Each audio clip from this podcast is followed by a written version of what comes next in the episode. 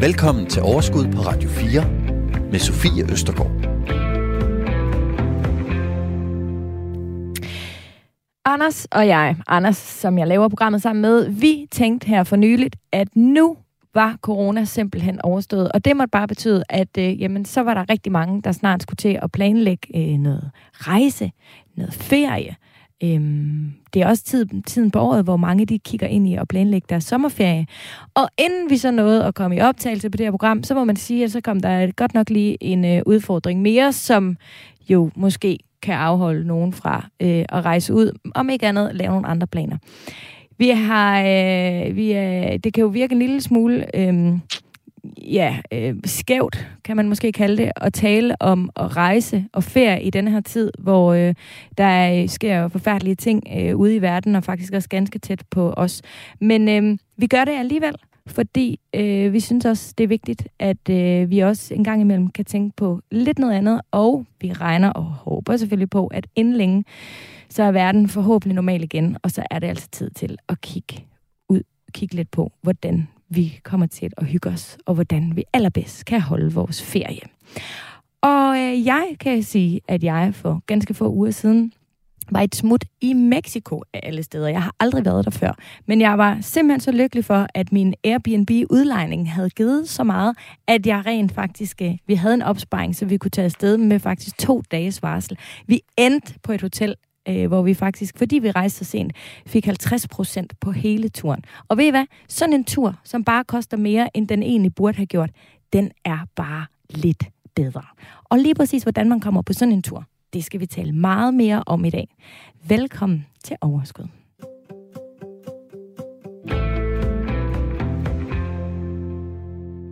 Alle os, som går op i at leve under evne, og gå op i lige at prøve at finde ud af, hvordan vi bruger pengene sådan lidt bedre. Øhm, vi, øhm, vi skal jo, vi vil jo rigtig gerne finde de der små fif, som gør, at vi kan komme på den bedste, den dejligste ferie, den mest afslappende ferie, måske den mest spændende ferie, men bruge så få penge på det som muligt. Og nogle gange kræver det lidt planlægning, nogle gange kræver det også bare, at man kender nogle gode fifs. Og øh, de fifs, dem skal vi tale om i dag. Heldigvis så har jeg nogle øh, gode mennesker med mig her i dag, og den ene det er dig, Vagn Jelsø. Velkommen. Tak skal du have. Du er chefskonsulent hos uh, Forbrugerrådet Tænk. Ja. Og med på linjen, der har vi også dig, Mike Devorik. Hej. Goddag. Du er indehaver af Rejsespejder.dk. Og inden vi lige vender, hvad det er, så kunne jeg godt tænke mig, øh, Vagn, lige at starte med dig. Forbrugerrådet Tænk, det ved vi jo alle sammen. Det er sådan en eller anden... Øhm, altså, I har sådan et... Øhm, i har sådan en blåstempling. Altså man sådan virkelig, okay, hvis forbrugerrådet Tænk siger sådan her, så ved man, altså sådan har jeg det i hvert fald med jer. Så er der noget om snakken, og så kan jeg godt købe den barnevogn, eller jeg kan godt øh, bruge det vaskepulver, eller, eller hvad end. Øhm, hvad består dit job af som chefkonsulent hos øh, Forbrugerrådet Tænk? Det er faktisk en, øh, en madblandet landhandel, og det hænger sammen med, at nu har jeg været i organisationen i uha, øh, 13 år efterhånden, og hovedparten af tiden har jeg været visdirektør og øh, politichef, og øh, så fyldte jeg 67 sidste år, og så besluttede jeg med mig selv, at nu vil jeg simpelthen ikke være chef længere. Og så var jeg så heldig at få lov til at fortsætte som, øh, som menig medarbejder, der kunne fordybe mig i forskellige ting. Men rejseområdet, det har altid fyldt rigtig meget, og det gør det også øh, specielt for mig, og i det, hvad jeg laver, blandt andet fordi jeg også sidder i Rejsegarantifondens bestyrelse. Og så sidder jeg også i bestyrelsen for den europæiske forbrugerorganisation BEUC, øh, så derfor så øh, har jeg også rigtig meget at gøre med, hvordan man øh, arbejder med de ting i, i EU og på mm. europæisk niveau. Ja.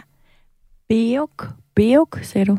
Ja, det er, den, ja. Det, det er sådan en paraplyorganisation over alle forbrugerorganisationerne i Europa, og det, det er vores kontor i Bruxelles, så at sige, som uh, gør, hvad de kan for at påvirke, når EU laver nye regler, at, at man husker uh, forbrugerne og forbedrer forbrugernes uh, situation. Øhm, fordi vi skal jo også tale om, at, og det har jeg nogle gange gjort, særligt inden jeg fik børn, det der med at lave en sådan, jeg vil næsten kalde det for en skrællet ferie, altså hvor alt bare ligesom er skrællet fra, men der er jo også et sted, man skal stoppe for netop at sørge for, at man stadig kan komme hjem, hvis det går galt, eller er, altså, kan, kan sørge for ligesom at tage vare på sig selv og, og, og have den tryghed i maven, der gør, at man så i sidste ende får en god ferie. Og det vender vi tilbage til øhm, Vagn. Øh, men øh, Mike, rejsespejder.dk, det er jo sådan et sted, hvor man kan gå ind og finde en masse sådan rejsetilbud, altså sådan en, hvad skal man sige, en lille paraply. Øhm, og det foregår på den måde, at rejsespejder så får en lille procentdel øhm, fra rejseselskaberne, hver gang der bliver booket en rejse igennem siden. Er det ikke rigtigt forstået, Mike? Ja, det er rigtigt. Altså, vi, øh, vi sidder øh, hver dag og prøver at finde de bedste rejsetilbud på nettet. Jeg kalder det et håndværk på nettet, fordi det hele foregår øh, manuelt, så vi går ind på alle de sider, som vi kender, øh, om det nu hedder Momondo, eller Trivago, eller Spis, eller hvad det nu er, og så går vi hele nettet igennem og prøver at finde øh, de bedste rejsetilbud. Man kender jo selv, man bruger hurtigt øh, to, tre, fire timer nogle gange for at finde et godt tilbud, og det gør vi sådan set. Um, og så lægger vi det op på hjemmesiden. Vi har en app, uh, og så er vi også uh, ja, ret stærk på de sociale medier øh, hvor vi har omkring ja, godt og vel 250.000 følgere på, på Facebook og omkring 20.000 på Instagram. Mm.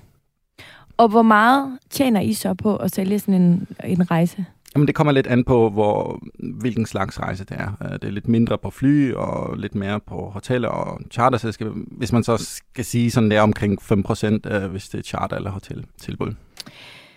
Jeg, øhm, altså, jeg sidder og forestiller mig, at I sidder og søger nettet, altså I sidder og søger nettet igennem. Virker det ikke sådan lidt old school, Mike? Altså kan I ikke bare lave en aftale med dem om, at de sender dem til jer?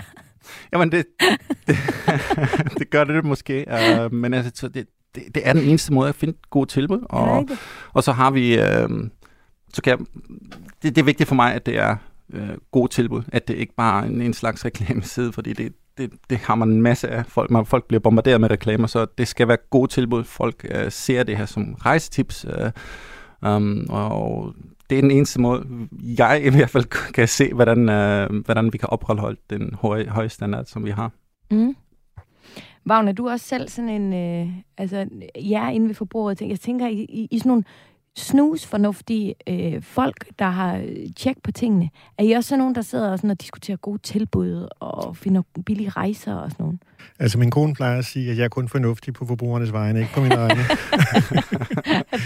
Øh, men, men i hvert fald er det sådan, at, øh, at, at jeg kan bruge rigtig meget tid på at planlægge min, øh, specielt mine sommerferier, eller vores sommerferier, mm. og og det foregår næsten fuldstændig ligesom Mike selv har beskrevet her. Ikke? Og, og øh, altså, øh, professionelt anbefaler vi tit folk, at man skal holde sig til pakkerejser, fordi så ved man, at der er nogen, der tager hånd om en, hvis det går galt, og der er sikkerhedsnet spændt ud under en i mange henseender, men, men, men personligt, så kan jeg altså rigtig godt lide selv at, at lege min egen rejsearrangør, og, og selv sammenstykke min, min rejse, og, og finde de steder, jeg præcis godt vil hen, og hvor jeg synes, jeg får noget godt for pengene. Ja. Jamen, og, og nu fortalte jeg jo her, at jeg for nogle uger siden tog sådan en, øhm, det var jo ikke en afbudsrejse, det var nok mere sådan en last-minute-tur øh, af en eller anden art. Og det var vidderligt. Altså, jeg kom hjem fra arbejde onsdag aften, vi havde lige optaget øh, et sidste program af Versus, som er et underholdningsprogram, øh, der kører om lørdagen. Og, og der var jeg bare, jeg kom hjem og var sådan, jeg har brug for ferie. Min veninde havde lige fortalt, at de skulle afsted. Og det eneste, der var i vejen med den tur, det var, at vi ikke havde noget at glæde os til den. Og det er simpelthen det, vi skyder hul på i dag. Vi skal have lidt glæde ind i, øh, i hverdagen lige nu. Vi skal have noget at se frem til. Og nu, der går vi altså all in på, at man øh, kan begynde at glæde sig og planlægge sin sommerferie. Du lytter til Overskud på Radio 4. Dagens gæster er Vagn Jelsø, chefkonsulent hos Forbrugerrådet Tænk, og Mike De Borik, indehaver af Rejsespejder.dk. Jeg kunne faktisk godt tænke mig lige at starte, øh, fordi ja, starte med lige at tale om sådan rejsebranchen øh, overordnet. Altså fordi, øh, Mike, vi, der er jo ikke nogen tvivl om, at det har været en super hård, hårdt presset branche i et par år siden marts 2020, forestiller jeg mig. Øh, og øh, så var vi lige ved at komme over corona. Og nu er der jo så altså, krig i Europa. Altså, hvordan har branchen det lige nu, Mike? Altså, den havde det jo rigtig fint. Uh, altså, her starten af året, uh, februar, det, det er gået rigtig fint, og så har det hele sat en lille, lille eller ja, en dæmper på i hvert fald uh, med, med, med, med det, der sker lige nu i Ukraine. Um, men altså, folk hungrer jo. Altså, vi får tonsvis af beskeder, og folk spørger, hvor, de, hvor der er nogle gode tilbud, hvor skal man hen? Uh, Så folk er så klar til at rejse, um, og nu må vi bare se, hvordan um, ja, situationen udvikler sig her i, mm. i de kommende uger. Så, så der har ikke været sådan en frygt, øh, Vagn, ved du om det? Har det været sådan, efter corona, altså sådan, har folk været, altså vi kommet sådan hurtigt tilbage til normalen, eller hvad? Jeg tror, at øh, rejsebranchen helt generelt har fået nogle hak i øh, troværdigheden, øh, mm. på grund af, at folk oplevede specielt øh, i 2020, at der var rigtig mange aflyste rejser, øh, hvor folk skulle have pengene tilbage, og det gik altså ikke altid øh, lige efter bogen, eller lige så hurtigt det skulle. Og der tror jeg, at, øh, at vi vil se i en længere periode, at det bliver oppe bakke for både flyselskaberne og rejsebyråerne og genvinde folks øh, tillid øh, til, at, øh, at her er noget godt og troværdigt. Jeg tror, vi alle sammen hungrer efter at komme ud og rejse igen, men jeg mm. tror også, der er mange, der har opdaget, at en rejse, det kan altså også være en biltur rundt i Danmark, ja, eller en sommer, eller ja, sommerhus, ja. Kan, kan møde nogen, og altså vandreture mm. øh, og, og den slags. Øh, så øh, jeg tvivler personligt lidt på, at vi kommer sådan helt tilbage til situationen før, øh, før coronaen. Øh, også fordi jeg tror, det arbejder sammen med den almindelige opmærksomhed på, at det måske ikke er super smart, at øh, øh, hele den vestlige verden øh, flyver kloden rundt øh, flere gange om året. Øh, det, det er ikke godt for klimaet, mm. øh, og man kan holde fede sommerferier på andre måder. Altså, jeg skal ikke spille heldig. Jeg, jeg kan også godt selv lide at, ja. at holde gode ferier og, og flyve til dem, hvis det er det, men, øh, men jeg, jeg tror, der sker noget. Ja. Jeg kan også huske, eller jeg har også herunder, altså, den, hele den der snak om, at det faktisk har været sundt for klimaet og sådan noget, at man ikke har, øh, at vi ikke alle sammen har fløjet rundt øh, hele tiden. Øh, vi planlægger også selv øh, sommerferie øh, i Danmark, øh, Nordjylland og Anholdt. og, vi, og vi tager på bilferie i Sverige, ikke? Så det ja. er præcis. Ja.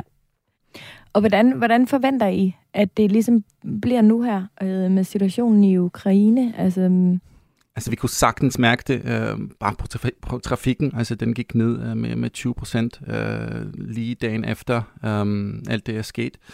Um, så er det bare et spørgsmål, tænker jeg, øh, hvis det kan holde sig øh, lokalt, den her konflikt, øh, og vi måske kan begynde at leve med den. Det er svært at sige, men altså, jeg, jeg tænker, ja, så, så kan jeg godt forestille mig, at vi har en, en nogenlunde almindelig sommer, fordi øh, ja, corona, det er i hvert fald den op, op, opfattelse, jeg har med, med vores bruger, den, den fylder ikke længere så meget, som det har gjort øh, ja, for, mm. for nogle måneder siden. Altså nu har jeg jo så lige været ude at rejse, der fungerede det super fint. De stod og tog temperaturen, og man skulle have mundbind på, og de delte sådan nogle øh, handsker ud i buffet og alle sådan nogle ting. Øhm, det fungerede altså øhm, ret fint, vil jeg sige. Vi føler os på intet tidspunkt utryg. Ja. Men Varm, hvordan er reglerne i forhold til den situation, der er lige nu? Altså, lad os nu sige, at man havde haft en... Øh, man skulle rejse øh, til, øh, hvad ved jeg, til, til Polen eller til et eller andet andet sted, som ligger i, i zonen og tæt på Ukraine, måske for i virkeligheden til Ukraine. Øhm, hvad, hvad siger reglerne om, hvordan er man stillet som forbruger i den forbindelse? Ja, der er jo ikke nogen specifikke regler for, hvor du har lyst til at rejse hen, ud over de regler, der gælder i det land, du, øh, du rejser til. Udenrigsministeriet har nogle anbefalinger, øh, hvor de kan fraråde, skal ikke nok fraråde de i øjeblikket, man rejser til Ukraine, øh, men de fraråder ikke, du rejser til Polen eller Rumænien. Øh, og og øh, det, der er tilfældet med Udenrigsministeriets øh, anbefalinger, det er, at de gør selv meget ud af at sige, at det er din rejse, det er dit valg. Vi, vi fraråder eller anbefaler, men, øh, men der er ikke nogen regel. Mm. Men, men det bliver så lidt en, en regel alligevel, fordi forsikringsselskaberne, yeah. de, de læner sig op af Udenrigsministeriets rejsevejledninger, og det gør rejsebrugerne sådan set også, hvis Udenrigsministeriet fraråder en rejse til...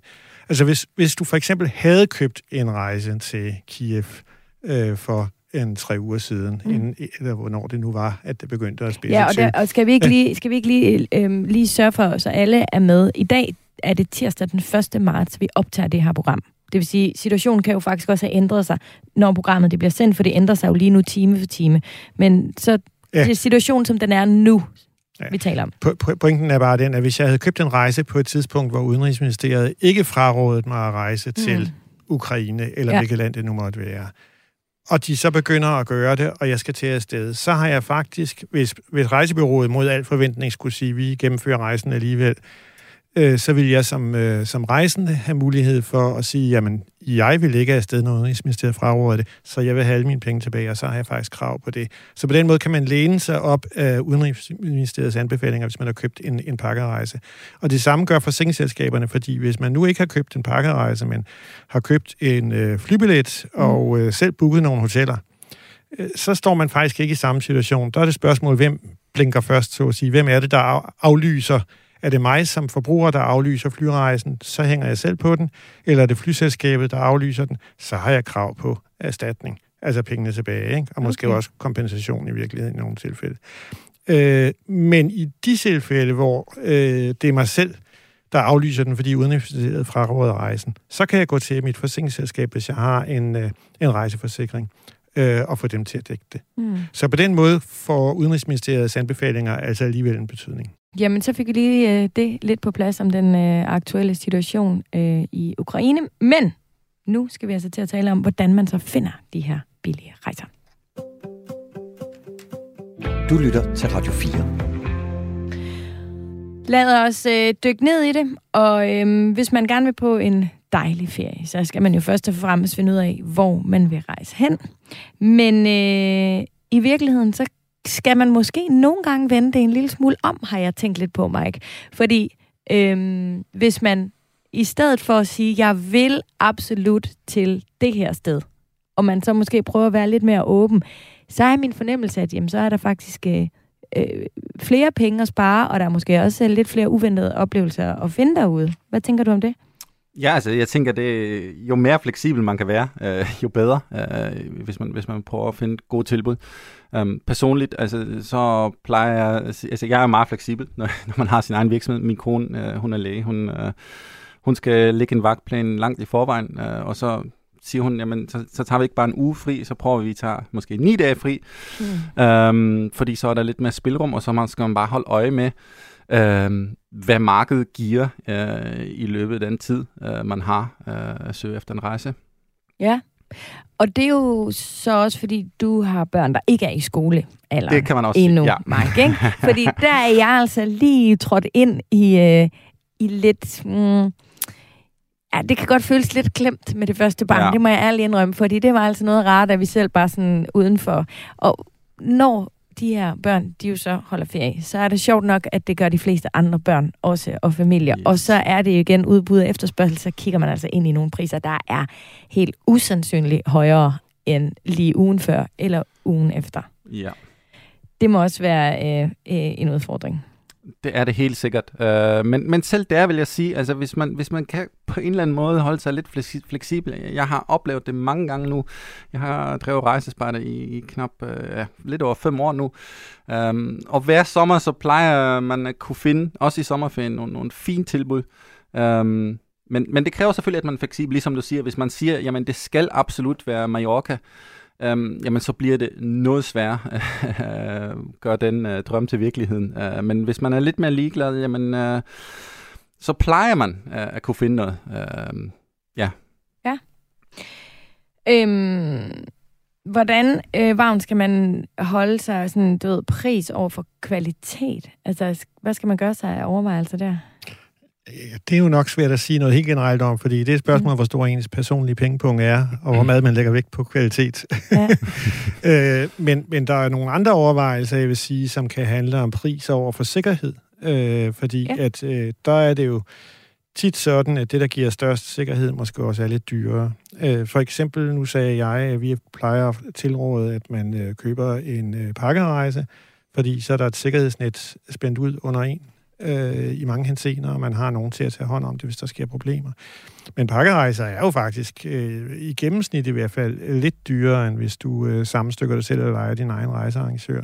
Til gengæld, så er du sikker på, at der ikke sker noget, noget helt vildt, som ingen gider hjælpe dig med.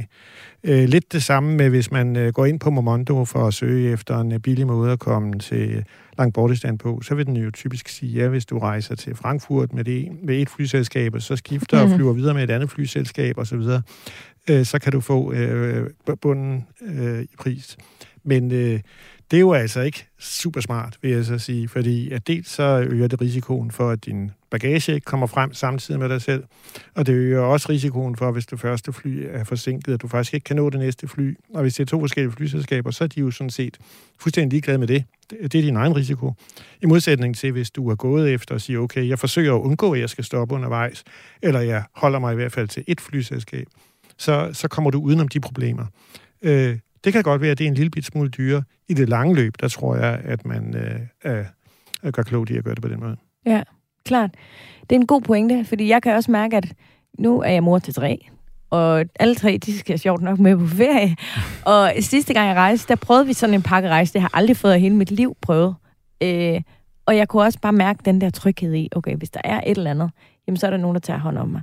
Så det er jo også noget, man skal gøre med sig selv, hvis man rejser alene eller som par, og måske kan nøjes med håndbagage, og man ikke, altså, hvor, hvor, hvor trygt man har brug for, øh, at det er.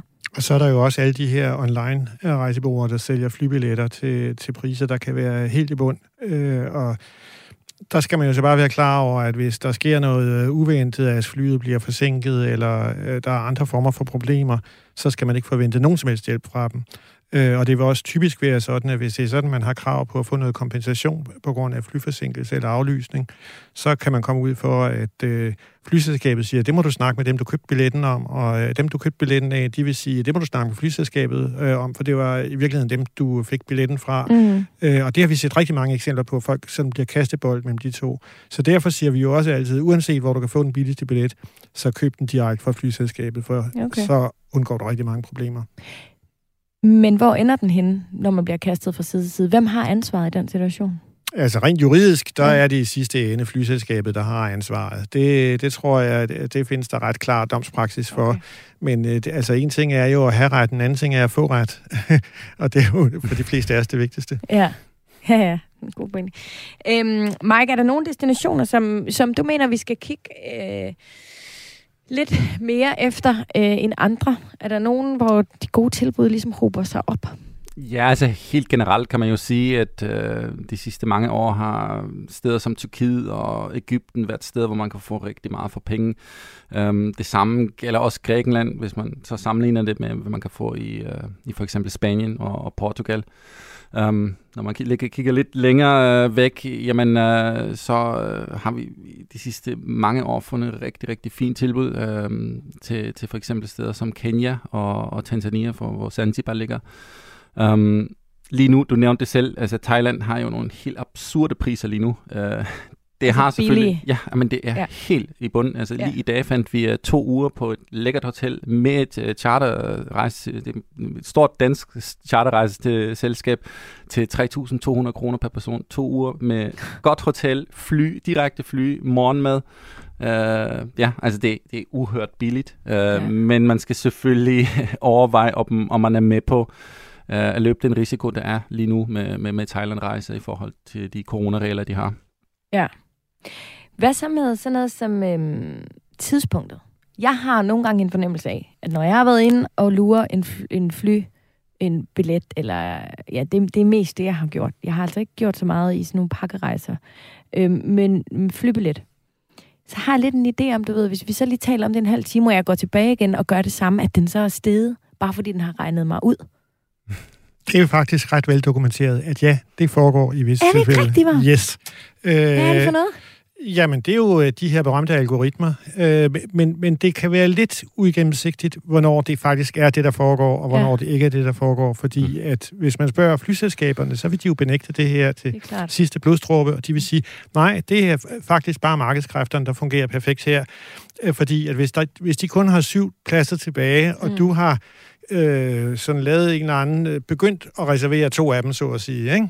øh, og så går du ud igen og fortryder, og så vender du tilbage, så står de måske stadig som sådan venter på, at du ja. måske vil have dem, og så er der færre billetter tilbage, øh, ja, så stiger prisen jo. Øh, så, så det vil være deres forklaring på, hvad der er i spil. Ja. Øh, men men øh, der er lavet undersøgelser, der viser, at i hvert fald i nogle tilfælde handler det også om, at hvis, hvis man oplever en person fra samme IP-adresse, altså samme computer, som søger gentagende gange på en bestemt rejse, så øh, taler sandsynligheden for, at de så er interesserede, at deres betalingsvillighed også stiger. Så stiger prisen også. ja, man får også øh, nogle cookies nogle gange på, på sin computer, så en, en lille anbefaling, som altså vi, når vi leder efter rejser, så bruger vi sådan incognito eller in private mode, øh, altså en mm. browser, fordi så øh, bliver der ikke smidt de her cookies øh, øh, på, på din browser, øh, som så hjemmesiden kan se, okay, hov, den har lige været på, på vores hjemmeside. Um, men en gylden regel, som jeg har, og jeg siger det til alle, og jeg siger det også tit til mig selv, når man finder et godt tilbud, så book det, fordi hvis du selv synes, det er et godt tilbud, jamen så er der sandsynligvis også 10 andre, der synes det. Uh, og så det gælder det bare om, uh, hvem der er hurtigst, uh, fordi ligesom Bagner har sagt, altså der, der er jo begrænset antal på, på alt. Det er klart. Øhm, så, så det har selvfølgelig også en indflydelse. Og så bare for at lege Rasmus modsat, ikke? så vil jeg sige, at uh, rigtig mange bookingportaler, de spiller jo præcis på det der. Ikke? Altså hvis man går ind på uh, booking.com eller hotels.com, og så vil der jo typisk stå ved et eller andet værelse kun to pladser tilbage.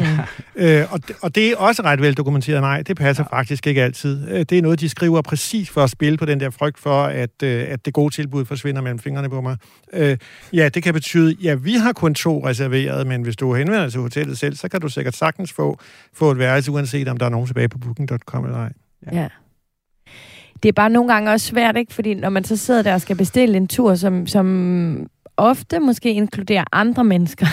altså det kan jeg da huske. Altså, så skal man jo lige have ringet til nogen, og lige have det, lige koordineret, og passe den tidspunkt, og er der nogen, der kan bop, bop, og det ene og det andet, ikke? Altså, så, så det er svært at sidde og slå til, men det, men det er jo måske også en god, et virkelig godt fif. Hvis du sætter dig ned, du vil finde rejsen, så gør det sammen, eller sørg for, at I har afstemt, så man kan hakke til, når den er der. Ja, altså jeg siger ikke, man skal ikke undersøge, altså altid tjek TripAdvisor og så videre, øh, og, og være sikker på, at det er det, og selvfølgelig afstemme det med, med, din, med din partner og så videre. Um, men man skal ikke vente, altså det, jeg har oplevet gang på gang, øh, når vi også selv finder de her tilbud, altså så, så er det en begrænset antal, eller begrænset periode, hvor de her gode tilbud kører på, øh, og, og så forsvinder det øh, igen. Selvfølgelig kan det også gå en anden vej. Øh, et godt eksempel er for Øh, lige inden corona, jamen, der var øh, den amerikanske vestkyst meget populær. Øh, der fandt vi øh, fly til, til San Francisco til 3.500 kroner i sommerferien. Det, det var min opfattelse, hey, det er et super godt tilbud. Øh, og vi skrev om det en, en del gange og sagt til folk, hey, det er godt. Uh, og så sker der så i, i maj måned, lige inden sommerferien, så kom KLM og, uh, på markedet, uh, på det danske marked også, uh, og ud på de her på, til 2.500 kroner. Altså, så mm. det kan selvfølgelig også ske, at man, uh, ja, men, men jeg synes stadigvæk, uh, dem der har booket det til 3.500, de har stadigvæk fået et godt tilbud. Um, så det er derfor, ja. jeg siger, hvis du selv synes, det er et godt tilbud, så, så slå til, i stedet for at vente, øh, og så blive skuffet. Eller, eller tit sker det så, at man øh, så har sagt, okay, fedt, fedt, fedt, der tager vi nu hen, og så bliver det dyrere og dyrere, og øh, i sidste ende betaler man så en højere pris, end man egentlig øh, ja. skulle have gjort. Klart. Men det er ikke sådan noget med, at hvis du står op tidligt om morgenen klokken kvart over tre, øh, så er det billigere, end hvis du køber efter klokken 12 formiddag. Jamen, der, der er lavet undersøgelse om, på det her. Øh, ja. Det kan jeg måske bare gå ind på. Øh, men igen, vores erfaring er, ellers vil vi få ekstremt travlt øh, mandag morgen, hvis det var den dag, hvor det var allerbilligst. Det er umiddelbart ikke noget, øh, hvor jeg vil sige, det har stor betydning på priser. Øh, det kan godt være, at der er nogle, nogle minimaler her og der, um, men, men det, det, det kan jeg i hvert fald ikke uh, se, og vi kigger mm. på rejser hver evig eneste dag. Vagn ryster også på hovedet. Han har heller ikke uh, hørt ja. noget om det. Du lytter til Radio 4. Nu skal I høre fra en af vores lytter, som inde på vores Facebook-gruppe, der hedder Overskud Radio 4, har øh, skrevet til os. Hun hedder Helene Christensen, hun skriver, rejs på skæve dage, hvis man kan få det til at gå op, så det ikke hedder weekend til weekend. Det oplever vi stor rabat på. Vi leger typisk lejlighed, hus eller værelse med et lille køkken. Så laver vi selv morgenmad og frokost, hvis vi er hjemme i nærheden øh, i løbet af dagen. Jeg synes ofte, at de måltider bliver lidt for jaget, og man køber hurtigt meget blot for at få stillet sulten. Så giver vi den lidt mere gas om aftenen, når vi spiser ude. Typisk har vi råbrød, havregryn med videre, eller med videre øh, med hjemmefra. Vi har, øh, by the way, små børn. Hvad siger I til øh, Helenes øh, måde her? Passer det også godt, det der med at rejse øh, skæve dage i stedet for weekend-weekend? Giver det nogle lidt billigere øh, rejser, Mike? Jamen, det, det gør det. Altså, en af de, øh, ja, øh, ting, jeg siger til folk, hvis det folk, nu, nu, er det ikke en hel uge, men hvis vi for eksempel snakker en, en forlænget weekend, der er det typisk betydeligt billigere, hvis man rejser øh, lørdag til mandag for eksempel, i stedet for fredag til, til, til søndag. Um, det, det skyldes for eksempel i, at øh, hoteller plejer at være dyrest øh, i overnatningsprisen fredag til lørdag og lørdag til søndag, og så søndag til mandag er mindre populær. Um, øhm, så ja, når du kan holde dig fra øh, de perioder, hvor, hvor, hvor folk typisk øh, booker i, så det, det er typisk den her fredag til fredag, lørdag til lørdag, Øhm, de, er, de er typisk dyre, så, så det er faktisk et rigtig, rigtig fint øh, tip. Ja, og også fint tip øh, med det med maden. Det har vi faktisk også... øh, praktiseret i, øh, i min familie. Jeg vil sige, jeg har ikke lige det med hjemmefra, fordi jeg synes også, der er et eller andet med, at børnene de skal prøve at spise lidt, øh, det går vi lidt op i, at de skal prøve at spise lidt det lokale mad. Men det der med netop at smøre en madpakke, i stedet for at man skal finde en restaurant øh, et eller andet sted eller øh, ude, det synes vi også er ret, øh, ret hyggeligt faktisk, og der sparer man altså også øh, rigtig mange penge. Mm. Jeg kunne godt tænke mig at tale lidt om afbudsrejser. Øh, Vagn, ved du noget om... Øh, altså, nogle gange har jeg også en lille bitte smule... Ligesom du sagde det der med, der er kun to tilbage. Nogle gange så har jeg min fornemmelse også, at en afbudsrejse er egentlig mere sådan en, vi fik den ikke øh, solgt-agtigt. Jamen, det er den der utvivlsomt. Det er vel derfor, den er billig, ikke? Fordi at hvis ja. øh, rejsebureauet eller flyselskabet, de har øh, øh, dimensioneret ud fra, at de har måske booket 50 pladser på et bestemt hotel, og så har de kun fået afsat de 45, så er de fem tilbage. Dem skal vi betale for, uanset om der er kunder eller ej. Ja. Så gælder det jo bare om at få lukket nogle øh, fugle ind i øh, ikke? Jeg synes bare, afbud, det tyder lidt på, at der var nogen, der synes, at de forsøger at sige, der var nogen, der synes, det her var fuldstændig vidunderligt, men u- af urensagelige årsager, så blev de desværre nødt til at lade være med at rejse. Oh ja. Altså, altså er det ikke det, det? Fordi det andet, det er jo sådan noget last minute-agtigt, ikke? Ja, jamen, altså, jeg, jeg tror, man, der skal man bare øh, se hen over, hvad de kalder det. Og så sige, hvad er det, ikke? Det, ja. det, det er øh, sidste øjebliks billige tilbud, og dem, dem vil der øh, typisk være nogen af. Og så er det jo et spørgsmål om ens eget nervesystem og fleksibilitet øh, er til, til den form. Men selvfølgelig kan man da spare penge på det. Og er det, også, er det lige så sikkert? Eller, altså, altså, fordi det er jo tit sådan noget, man så netop tager i sidste øjeblik. Hvad skal man, hvad skal man sørge for at have tjek på, inden man tager sådan en, en rejse der, Vagn? Nå, men altså, der er jo helt... De, alle de banale ting, øh, som, som det er altid en god idé, man uh, har uh, styr på, når man skal ud og rejse, de skal jo også være i orden, selvom jeg pludselig finder ud af, at jeg skal afsted i aften. Og det vil sige, vi anbefaler jo altid folk, at man har en rejseforsikring, for eksempel. Mm. Den skal man jo så øh, have på plads på forhånd, medmindre man vil købe en enkelt rejseforsikring. Der er så lige sagt i parentes, det er jo dyrere, hvis du rejser tit, at have en enkelt rejseforsikring. Ja. Hvis du rejser flere gange om året, så begynder øh, en, øh, en øh, helårsrejseforsikring jo at være, være en bedre øh, forretning. Så, så det skal du jo overveje, om du har de, de ting på plads. Man skal jo heller ikke rejse ud i Europa uden at have sit blå sygesikringskort med, øh, men så skal man altså have det på forhånd. Det skal bestilles hos borger.dk. Det er jo gratis, men man får det jo ikke til i aften, for eksempel. Altså, skal man virkelig have det? Øh, skal og skal. Altså, det er en rigtig god idé, fordi at det, det der ligger i det blå sygesikringskort, det er jo, at du får øh, garanteret øh, behandling på hospitaler overalt i Europa øh, på samme vilkår som lokalbefolkningen. Hvis, hvis du bare kommer, og du... Og ja, altså, det sker jo, at man bliver syg, når man er afsted. Ja. Altså, jeg har selv fået øh, blindtarmsbesændelse på en udlandsrejse.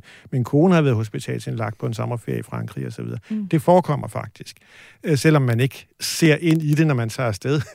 øh, så Men man virker det ikke bare sådan lidt øh, gammeldags på en eller anden måde? Altså, jeg behøver vel ikke stå og vifte med et blåt kort, jo. for at de kan se, at jeg er EU-borger? Altså, det jo, kan de vel... det behøver du. Det øh, alternat- alternativet er, at du kommer til at betale på stedet. Så når du kommer hjem, så kan du samle alle dine kvitteringer okay, ja. og, og få det refunderet, og det kan du for det første have en masse bøvl med, men for det andet i selve situationen, hvor øh, mange mennesker jo øh, altså virkelig føler sig klemt, og føler sig i en presset situation, og øh, du har det virkelig dårligt, og så skal du ovenikøbet begynde at parlamentere med hospitalet omkring betalinger og finde ud af det osv.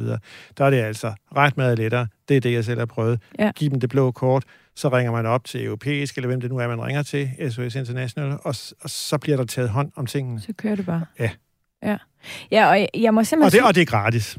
og det er jo også vigtigt. Og jeg må simpelthen slå et slag for, at man har sin forsikring på plads, fordi det er to år siden, at jeg kom hjem fra en skitur, hvor min øh, ældste søn, på det tidspunkt var han fem, han flækkede øh, skinnebenet. Og jeg kan love jer for, at øh, vi fik brug for det svenske hospitalsvæsen og forsikringen, og det kørte bare upåklageligt, og jeg ved simpelthen ikke, hvad vi havde gjort, hvis ikke vi havde haft styr på det der. Ej, altså, når du er i Sverige, så kan du nøjes med det gule sygesikringsbevis eller sådan Jamen, vi havde ikke... Vi, det er godt, okay, fordi det var det, jeg skulle til at sige, jeg havde nemlig ikke det der blå øh, halvøje med, men jeg, vi havde så heldigvis ja. en forsikring, der hjalp os alle sammen hjem. Ikke? Nu skal han så afsted igen i overmorgen. Men det er en anden side af sagen. Det er bare en mor, der er lidt bekymret, fordi hun ikke skal med. Nå, skide være med det. Det kan forsikringen jo Men, men den kan jo tilføje, at, at selv når du har en rejseforsikring, ja. som, som stadig er en god idé, fordi at det blå kort der, det sikrer dig jo ikke, at du bliver transporteret hjem. Og hvis du brækker benet på en skiferie i Alperne, øh, og, og skal hjem med en eller anden speciel transport, så kan det være rigtig dyrt med et brækket ben, øh, hvis, øh, mm. hvis du ikke har forsikringsforhold i orden. Og det dækker det blå kort som sagt ikke. Men, men din rejseforsikring dækker jo heller ikke de ting, som det blå kort dækker. Så derfor skal man have begge dele. Begge dele. Godt. Jamen, øh, det her med øh, givet videre. Tilbage til de her gode øh, rejser.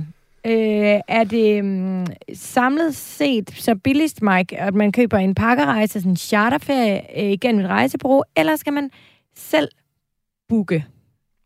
Altså, det, typisk kan man gøre det billigere selv, øh, men som Vagn, Vagn har sagt, altså, der, er, øh, der, er, der er en vis sikkerhed i, i pakkerejser, som man ikke har øh, selv. Øh, så, så, så skal man i hvert fald have en, en rejseforsikring og så videre på plads, men øh, især storbyferie, du kan gøre det betydeligt billigere end... Øh, end en pakkerejsetilbud gennem et stort uh, charterselskab. Uh, Um, og så, hvis man selv skal planlægge det, hvad, hvor vil du så anbefale, at man finder... Altså, er det, er det Momondo, der har de billigste flybilletter, eller er det Ryanair, eller øh, hvem er det? Ja, altså det de her prissamlingssider, om det nu hedder Momondo eller Skyscanner, eller hvad det, hvad det nu, øh, nu skal hedde, øh, de er rigtig gode. Øh, de henviser typisk til nogle øh, online charter, eller online rejsebrugere, Øh, og der er vi igen ude på, øh, er man så lidt i, øh, bliver kastet rundt øh, mellem flyselskab og, og, og rejsebureauet, hvis der skulle gå noget galt. Øhm, men jo, altså jeg vil sige, typisk prøv at finde først et øh, godt flytilbud, øh, og når du har booket det, jamen øh, så, så kan du gå i gang øh, og kigge øh, efter hotel. Øh, aldrig gøre det den anden vej rundt, fordi så kan det være, at flyprisen er lige pludselig sted, eller er det ikke flere pladser på, på flyet, og så står man med et lækkert hotel, men kan ikke komme derned. Nej, det... jeg, jeg kan jo lige tilføje ja. her, at øh, vi lavede faktisk en test for tre år siden af de forskellige øh, booking, af rejseportaler, der findes. Altså, øh, du nævnte øh, Momondo og Skyscanner. Ja. Og det er jo faktisk også dem, der øh, sammen med Travel Market kom bedst ud i, øh, i vores test. Ja. Mens for eksempel Google Flights, som kan komme ret højt op, hvis du bare søger på Google, øh, er totalt upålidelig, fordi den er styret af, hvem det er, der betaler Google for at blive placeret godt ja. i, i, i resultaterne. Men Momondo er jo ikke et sted, du køber. Momondo er Momondo, som var den, der vandt sådan bedst i test. Mm. Øh, ja, man bliver sendt videre. Ja, det, ja det, er jo den, det er jo den ene måde at gøre det på. Det er jo det, Mike siger. Så kan du klikke videre til ja. nogle af de der online-rejsebyråer, men du kan jo også simpelthen bare bruge det til at orientere dig i, hvad, hvad er der afgangen, der kan få, få rejsen til at hænge sammen. Mm. Og hvis det er en rejse med KLM, så kan du altså selv gå over til KLM, så behøver du ikke vælge det rejsebyrå, som, øh, som, som bliver vist der. Og, så og kan det er jo også... godt for forsikringerne og for at forsikre dig, hvis der skulle gå noget galt, eller mig som forbruger. Men er det også godt for prisen, eller bliver det dyrere, når jeg så afskaller det, det? Det, det kan det sagtens. Altså, du, du køber ikke noget gennem Momondo. Det, det er simpelthen bare en prissamling. Så mm. at, men så kan du blive henvist til, til et eller andet online-rejsbyrå, øh, og hvis du så i stedet for at gå hen til dem, så går direkte til, til flyselskabet, så kan det jo godt være, at det koster et par hundrede kroner mere, men så er det, jeg siger, de penge vil vi anbefale, man betaler, fordi at de problemer, man risikerer at løbe ind i, hvis man gør det modsat, de er for store. Ja. Hvad nu, hvis man øh, for eksempel... Øh Altså, så har man fundet en flybillet, og så skal man finde det her hotel, som jeg også taler om. Hotels.com. Booking.com. Der er, der er jo også nogle forskellige der. Ja. Jeg har personligt oplevet at bruge den, lidt ligesom du taler om nu med flybilletten, Vagn, og sige, øh, jeg øh, skal bruge et øh, hotel. Jeg går ind og kigger her, finder et hotel, jeg gerne vil, ringer direkte til hotellet, finder ud af, at det faktisk er billigere. Er det, altså, er det en tendens, eller var det bare mig, der var heldig? Eller? Altså, det er jo også noget, der er undersøgt, det her, ikke? Og ja. det er jo, Hvor er det dejligt med alle de undersøgelser, I kender til. Øh, fordi at EU-kommissionen har jo været efter de her bookingportaler, hotels.com og booking.com, fordi de laver aftaler med hotellerne og forpligter dem til ikke at øh, annoncere med priser, der er lavere end dem, man kan få gennem portalerne. Mm. Øh, men det er jo ikke det samme som, at hotellet ikke kan tilbyde dig det, når du selv henvender dig. Øh, og hotellet vil jo selvfølgelig langt hellere selv sælge dig et øh, værelse, end de vil skulle aflevere øh, en, en kommission til bookingportalen for at øh, få det henvist den vej igennem. Men til gengæld er de der portaler jo fremragende til at finde ud af, hvad er der af hoteller i området, og hvor ligger de sådan prismæssigt. Ja. Øh, og det er i hvert fald sådan, jeg selv gør. Så, så bruger jeg de der bookingportaler, øh, og jeg ved ikke om hotels eller booking.com, øh, det er for mig hip som hap, men bruger dem der, Øh, og så når jeg har, har fundet, hvad der er hoteller, så går jeg ind og kigger på hotellets egen hjemmeside og booker det så vidt muligt gennem den, den vej. Ja. Jeg vil også sige, at øh, både Momondo og Skyscanner, og for den slags skyld øh, en side, som hedder Trivago, de er sådan lidt Momondo, øh, altså ligesom Momondo for fly, flyselskaber, jamen så kan man også øh, sammenligne alle de forskellige øh, ja, bookingsider, hotels.com, booking.com, og så øh, finder de øh, den billigste pris. Og faktisk ofte nu begynder de også at linke direkte til, til hotelsiden. Øh, så um, brug det. det. Og så tit er det også sådan nogle små uh, bookingsider, øh, som for eksempel Agoda, øh, som jeg selv brugte en, en del gange, Øh, som man måske ikke selv vil uh, gå ind på. Uh, Agoda? Så, Agoda hedder det Agoda. for eksempel, ja. Så altså, der er forskellige... Uh, er det en dansk side? Nej, jeg, jeg, jeg, jeg ved faktisk ikke, uh, hvor, hvor de er hen. Uh, man skal selvfølgelig passe på, man skal selvfølgelig undersøge, hvad, ja. hvad man i sidste ende booker hos, men, uh, ja. men uh, der er i hvert fald penge at spare, og i sidste ende kan du så også sige til hotel, hey, uh, jeg kan finde den her pris uh, på Agoda for mm. eksempel. Uh, kan I match den? Um, det er faktisk det, vi har gjort. Uh, vi har lige været på Tenerife, hvor vi, um, ja, uh, hvor jeg bare ringede ind til hotellet og sagt, hey, uh, jeg kan finde den her pris uh, på en, på en booking-side, kan I matche dem? Og det kunne de selvfølgelig, fordi det er faktisk nogle meget, meget høje kommissioner, de betaler til de her bookingportaler. Um, uh, så det, det, det ligger nogle gange på 20-30 procent. Uh, ja. ja.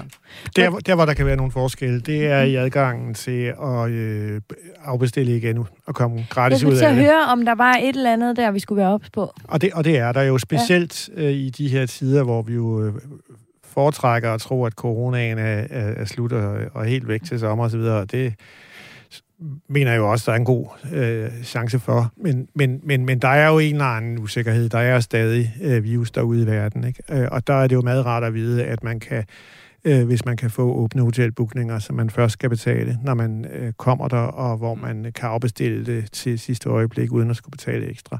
Og om det er på hotellets egen hjemmeside, eller det via et bookingportal, det kan man så ikke sige noget generelt om. Tit vil der være to forskellige priser, hvor det skal ikke nok er lidt dyrere, hvis man vil have afbestillingsmulighed.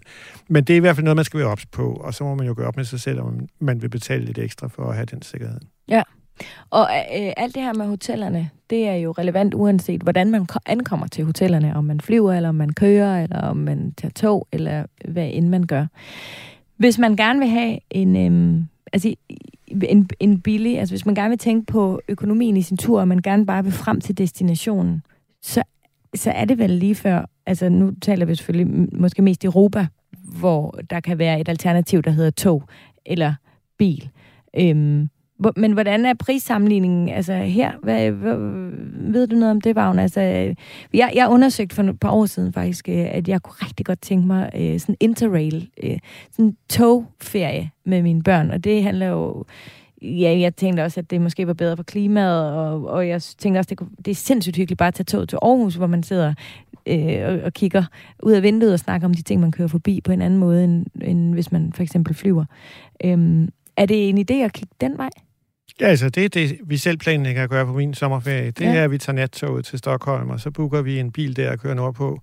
Øh, og øh, det har jeg selv prøvet før, øh, og det, det, jeg synes kun, man kan anbefale det. Ja.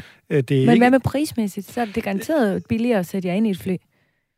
Ja, det er billigere at ind i fly, men, men øh, altså, for eksempel, jeg skulle til, det var så ikke ferie, det var i øh, arbejde, ikke? men i, i november skulle jeg til et mandagsmøde i Stockholm, mm. og så tog jeg nattoget derop, øh, og så holdt jeg min møde og gik ud og spiste med dem, jeg skulle have møde med, og så satte jeg mig i et nyt nattog og kørte hjem igen. Og alternativet for mig til det arrangement, det havde været fly plus to overnatninger i Stockholm. Ja, okay. Der var det altså billigere at tage nattoget. Men generelt har du selvfølgelig ret. Nattog, nattog er, øh, som verden ser ud i dag, typisk en lidt dyrere løsning, men, øh, men den har sin charme. Mm. På den skiferie, som jeg omtalte før, som endte lidt bræt og ret øh, ærgerlig, der tog vi faktisk også nattoget op, og det var faktisk det, min søn han var allermest ked af ved at brække benet. Det var, at vi ikke skulle med det nattog hjem, for det var bare så hyggeligt. Altså, og det var det øh, helt ægte øh, og ærligt. Du lytter til Overskud på Radio 4. Dagens gæster er Vagn Jelsø, chefkonsulent hos Forbrugerrådet Tænk, og Mike de Borik, indehaver af Rejsespejder.dk. Jeg har et uh, tip mere fra vores Facebook-gruppe fra Nynne Larsen. Hun skriver, et tip til flyrejsende er Dk. Det er et selskab, der hjælper dig med at få økonomisk kompensation, hvis din flyrejse fra eller i EU er mere end tre timer forsinket. Jeg ser tit folk stille spørgsmål ved, om det er en reel virksomhed. De hjælper os til 12.000 kroner i kompensation i forbindelse med 3,5 times forsinkelse på charterrejse for fem personer. Og det var efter, at de havde taget deres andel. Den kompensation er jo faktisk så høj, at det grænser til det upassende, siger Nynne selv. Det, det er jeg nok lidt enig med hende i. Det er jeg så ikke. Nej, det er du ikke, Vagn. Nej, det er jeg ikke. Det er du ikke. Øh, og, og jeg vil sige, at øh, nu findes Det er der... en høj timepris for en forsinket charterferie. Nu, nu ved, der, jeg kan sige flere ting til det der. For det det. første vil jeg Kom med sige, det. at der er rigtig mange af den slags selskaber. Nu bliver, nævner de et der, men jeg kunne nævne de første fire andre. Det? Så vi behøver ikke lave reklame for et bestemt firma her Nej. i uh, udsendelsen. Der findes mange af dem derude. De er Så sult- nævn lige de andre, så har vi bredt os Nej, lidt det ud. har jeg ikke lyst Nå, til. nej, okay. Øh, men, men, men de er der, og grunden til, at de er der, det er, at der er rigtig mange fly, der er forsinket, og at flyselskaberne og aflyser, og flyselskaberne generelt er dårlige til at gøre folk opmærksom på, at de faktisk har krav på at få penge, hvis flyet er forsinket og aflyst. Men når det er sagt, så vil jeg sige, at, at øh, i 9 ud af 10 tilfælde, så er det jo penge ud af vinduet at henvende sig til sådan et selskab, fordi at det er jo gratis at, at kræve sin kompensation til flyselskabet. I de fleste tilfælde får man det faktisk, når man selv henvender sig. Pointen er, det, at flyselskabet ikke fortæller dig, at du skal henvende dig. Og hvis det er sådan, at flyselskabet ikke giver dig de penge, som du har krav på, så er det gratis at klage til Trafikstyrelsen, som så vil afgøre sagen og give dig pengene, hvis du har krav på dem. Så hvorfor i alverden skulle jeg aflevere en tredjedel af min kompensation til, til et firma, der har lavet en forretningsmodel ud af det? Øh, det, det giver for mig at se ingen mening, hvis det er et dansk baseret flyselskab, som jeg kan kommunikere med. Hvis det er et eller andet tjekkisk eller øh, slovensk, eller hvad ved jeg, hvor, hvor, hvor der simpelthen er nogle kommunikationsproblemer, så Mm. kan jeg forstå, at man gerne vil have professionel hjælp og vil betale for det. Ellers giver det ingen mening for mig. Nu skal jeg fortælle dig, hvorfor, Vagn. Jeg tror, Nynne og Ja, ja. Øh, andre, det er jo simpelthen fordi, man tænker, jeg orker ikke besværet. Det har taget øh, tre en halv, øh, jeg har siddet ventet i tre en halv time. Fair nok, jeg kom jo afsted alligevel. Ja. Og så er der nogen, der så øh, siger, at det her det kan lade sig gøre. Så slipper man for besværet, og så får hun lige pludselig 12.000 kroner, som jo Ja. nærmest er en ny rejse. Men ellers ville hun have fået 15.000, ikke? Øh, og jeg vil sige, at det kan godt være, at det lyder, at 12.000 lyder mad, men 3.000 kroner at betale for noget, man, man selv kunne gøre på en halv time, det er fandme også en pæn timeløn, vil jeg så sige. Og, og, og jeg har selv været ude for det der mere end en gang, og sidst jeg var ude for det for fire år siden, hvor jeg sad i Reykjavik øh, og skulle have været fl- fløjet hjem Øh, med et eftermiddagsfly øh, og været hjemme om aftenen, så jeg kunne gå i min egen seng.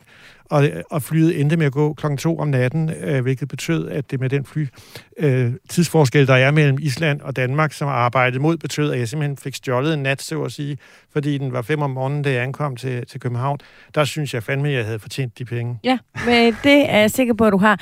Men nu må jeg lige så spørge dig om noget, fordi sidst jeg var ude at flyve, der var det sådan, at der var en eller anden... Øh øhm, Godt. lad os kalde ham det. Han havde glemt, øh, at man ikke måtte have sådan nogle, øh, hvad hedder de der, øh, hvad hedder sådan en strøm, øh, powerbank hedder den, øh, i tasken. Vi sidder inde i flyet, og der er oceaner af børn, fordi det her jo netop er sådan en øh, pakkerejse, hvor jeg jo mm. så godt kan fornemme, at det der, der er flest børn, for jeg har aldrig siddet i en flyver med så mange børn. Pakket med børn. Pakket med børn, og lad mig også sige, jeg har bidraget til. Altså, de tre af dem var mine, så det er ikke fordi... Men jeg sidder derinde, og så siger de over højtaleren, vi var egentlig klar til at tage afsted, men nu har han lige fundet ud af, så nu skal vi have al bagage ud. Så går der en halv time, så siger de, nu har vi fundet den ene af hans bagage. Juhu, alle var virkelig glade. Den dårlige nyhed er, at det var i den anden, den lå. Okay, så går der en halv time mere, så siger de, nu har vi simpelthen fundet den anden bagage. Nu er vi klar til at lette, troede vi. Så kom der lige en anden passager og sagde, efter en time, hov, jeg har for øvrigt også en. Og det endte med, at vi var to en halv time forsinket, inden vi kom afsted. Hvornår gælder de regler der? Ja, det afhænger af, hvor, hvor langt du skal rejse. Øh, og fordi at øh, tids, tidsspændet er, er mindre på de korte distancer, end det er på de lange distancer. Okay. Du må finde dig mere, hvis du skal til Thailand eller USA. Men, men, men sådan groft sagt, så skal du i hvert fald ankomme mere end tre timer øh, senere end, øh, end planlagt til og, destinationen. Også i den her situation, hvor det er jo helt ærligt overhovedet ikke rejseselskabets skyld. Øh, ja, det kan man jo diskutere. De kunne jo have tilrettelagt deres indsætningsprocedur på en måde, så de fangede sådan noget på forhånd. Det er selvfølgelig rigtigt. Ja, ja, jeg kan godt se det. Og det er jo i hvert fald ikke din skyld, Nej, at, der, det... at der er et andet passager, der er trumpet. Det er helt sikkert, at det var ikke min skyld, og det følte alle de andre på flyet også, undtagen de to der. Øhm, Mike, tiden den er jo øhm, den er ved at være gået, øhm, og, men jeg har et lille fif, som jeg gerne vil afprøve øhm, på dig, mm-hmm. fordi det har jeg hørt flere tale sådan lidt om at hvis man for eksempel skal rejse fra Kastrup, hvilket jo er rigtig mange danskere, der skal, og nu taler vi jo rigtig meget flyrejser i det her program, øh, men det er måske også der, hvor at der er øh, bedst fifsen lige at, at finde, og så må vi lave et program mere på et tidspunkt, som handler om øh, bilferie eller, eller noget andet. Øh, men hvis man skal flyve fra Kastrup, så er der rigtig mange, der taler om, at man kan gå ind på, i stedet for punktum .dk-sider, gå ind på punktum .se-sider. Fordi yes at priserne de bliver lavere, øh, og der er jo ikke, altså man kan ja, bestille den samme ferie alligevel. Hvad tænker du om det?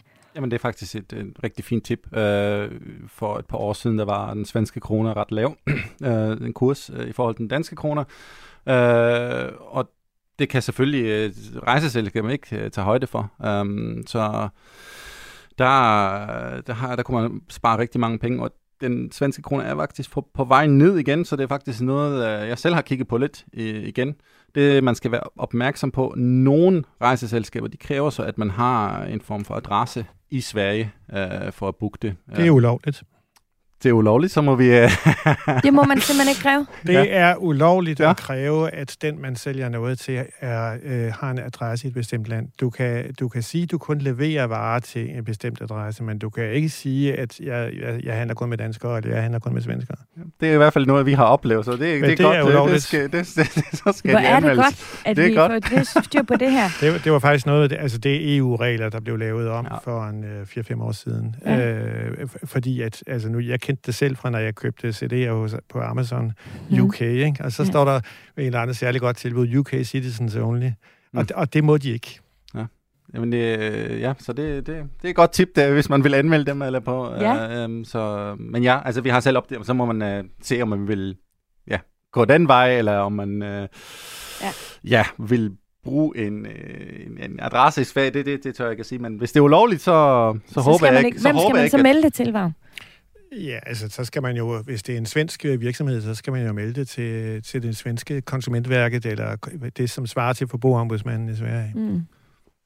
Godt. Jamen, det kan man jo kun øh, opfordre til. Du lytter til Radio 4. Vagn, jeg har en sidste ting, jeg gerne lige vil have dig til at hjælpe mig med at forstå. Øhm, har det nogen betydning, hvilket øh, kreditkort man betaler sin rejse med? Og om man har det kreditkort med på sin rejse? Ja, altså jeg vil jo altid selv øh, tage øh, to forskellige kreditkort med, og det er jo mere fordi, at man kan jo komme ud for tyveri, og så står man der, og, øh, eller der kan være et kreditkort, som de ikke tager imod, og så er det godt at have det andet, som de måske tager imod. Men rent prismæssigt, der tror jeg ikke, man kan sige noget øh, specielt, om det er et kreditkort eller et debitkort, Mastercard debit eller eller hvad det er, Visa Elektron, eller det er et rigtigt kreditkort. Det, der, der tror jeg ikke, der er nogen speciel forskel på, øh, på priserne. Og øh, der findes jo Mastercard i forskellige øh, klasser, så den standard, gold og platinum, og hvad de nu hedder. Og, og der, kan, der kan der være forskel på forsikringsbetingelserne, ligesom der kan være forskel på, hvor mange penge du kan hæve om dagen, eller i det hele taget. Øh, og der kan være mange forskelle på de der forskellige kort. Det, det som jeg tænker er, er vigtigere at være opmærksom på, det er, når jeg så står der i udlandet og betaler med mit kort, så vil der være rigtig mange, der forsøger at fortælle dig, at du skal fortælle, øh, du kan få prisen på dansk, selvom du står i Spanien. Ja. Øh, og det skal man altid sige nej til. Øh, fordi at så kommer der en kurs ovenpå, som giver dem en ekstra fortjeneste, dem som øh, øh, sørge for, at det kommer i orden. Det er altid billigst at betale i den lokale valuta, uanset hvor, hvad den er, der hvor man er. Og, og, og der er jo nogle maskiner, altså jeg har været ude for i Berlin og gået til sådan en ATM-maskine der for at hæve penge, ikke? og så mm. spørger den mig, vil du, øh, øh, vil du betale i euro eller i danske kroner? Vi anbefaler danske ja. kroner, og jeg siger, nej, jeg vil betale i euro, for det ved jeg jo så klog at jeg, at det er det billigste.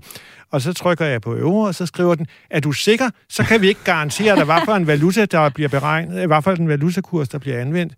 Og så tænker jeg, øh, nej, det kan I ikke, men jeg kan garantere dig, at den er mindre end den anden. Ikke? Altså, øh, og der er, det er, efter min mening er det rent bundfangeri. Men det foregår big time i hele Europa. Men vil du være så klog, er jeg ikke? Fordi jeg tror, der, ja, det, det, tror jeg tit bare, jeg har tænkt, når jeg er helt sikkert, så er der et eller andet. Og særligt, når der kommer sådan en disclaimer. Så det er godt, du siger det bare. Det vil jeg til enhver tid øhm, husk på. Har I andre gode fifs her på falderæbet, som I synes, vi ikke er kommet omkring? Jeg synes, vi er nået vidt omkring. Ja, det synes jeg også. Det synes jeg også. Skal I ud og rejse snart, eller hvad? Eller, Vagn, du skulle, du skulle til Sverige til sommer. Er det næste ja. tur for dig? Nej, vi skal have en påskeferie til Hamburg. Nå. Ja, det er jo det samme. Det er også køre bil og åben hotelbookning. det lyder også hyggeligt. Hvad med dig, Mike? Jamen, min uh, sommer, det er typisk i Danmark, fordi uh, der får jeg rigtig travlt. Så ja, Nej. så det, det bliver noget dejligt i Danmark. Altså, som øh, vi er enige om i min familie, og med mange, jeg kender, hvis bare vejret er nogenlunde, så er det godt nok også dejligt at være i Danmark om sommeren. Og så er jeg i hvert fald typen, der heller vil lidt væk en gang imellem. om vinteren. Den kan godt være lidt lang. Men øh, Mike, det var ikke fra Rejsesparte.dk og Vagn øh, Jelsø fra Forbrugerrådet Tænk. Tusind tak til jer begge to. Velbekomme. Velbekomme. Det var alt, hvad jeg havde til jer øh, i dag. Jeg håber, at øh, I er blevet lidt klogere og har fået lidt fifs til næste gang, I skal arrangere jeres rejse, uanset hvor den så måtte gå hen. Husk at øh, klikke på, øh, øh, husk at klikke inde på øh, jeres, øh, der hvor I downloader jeres øh, podcast, så I kan abonnere på programmet og få det direkte i jeres indbakke hver gang, der er et nyt. Og ellers så husk at melde dig ind i vores Facebook-gruppe Overskud Radio 4. Der er rigtig mange gode fifs at hente, og rigtig mange, der svarer på de spørgsmål, som du end måtte have. Programmet her var tilrettelagt af mig selv og af Anders Heimann. Tak for i dag.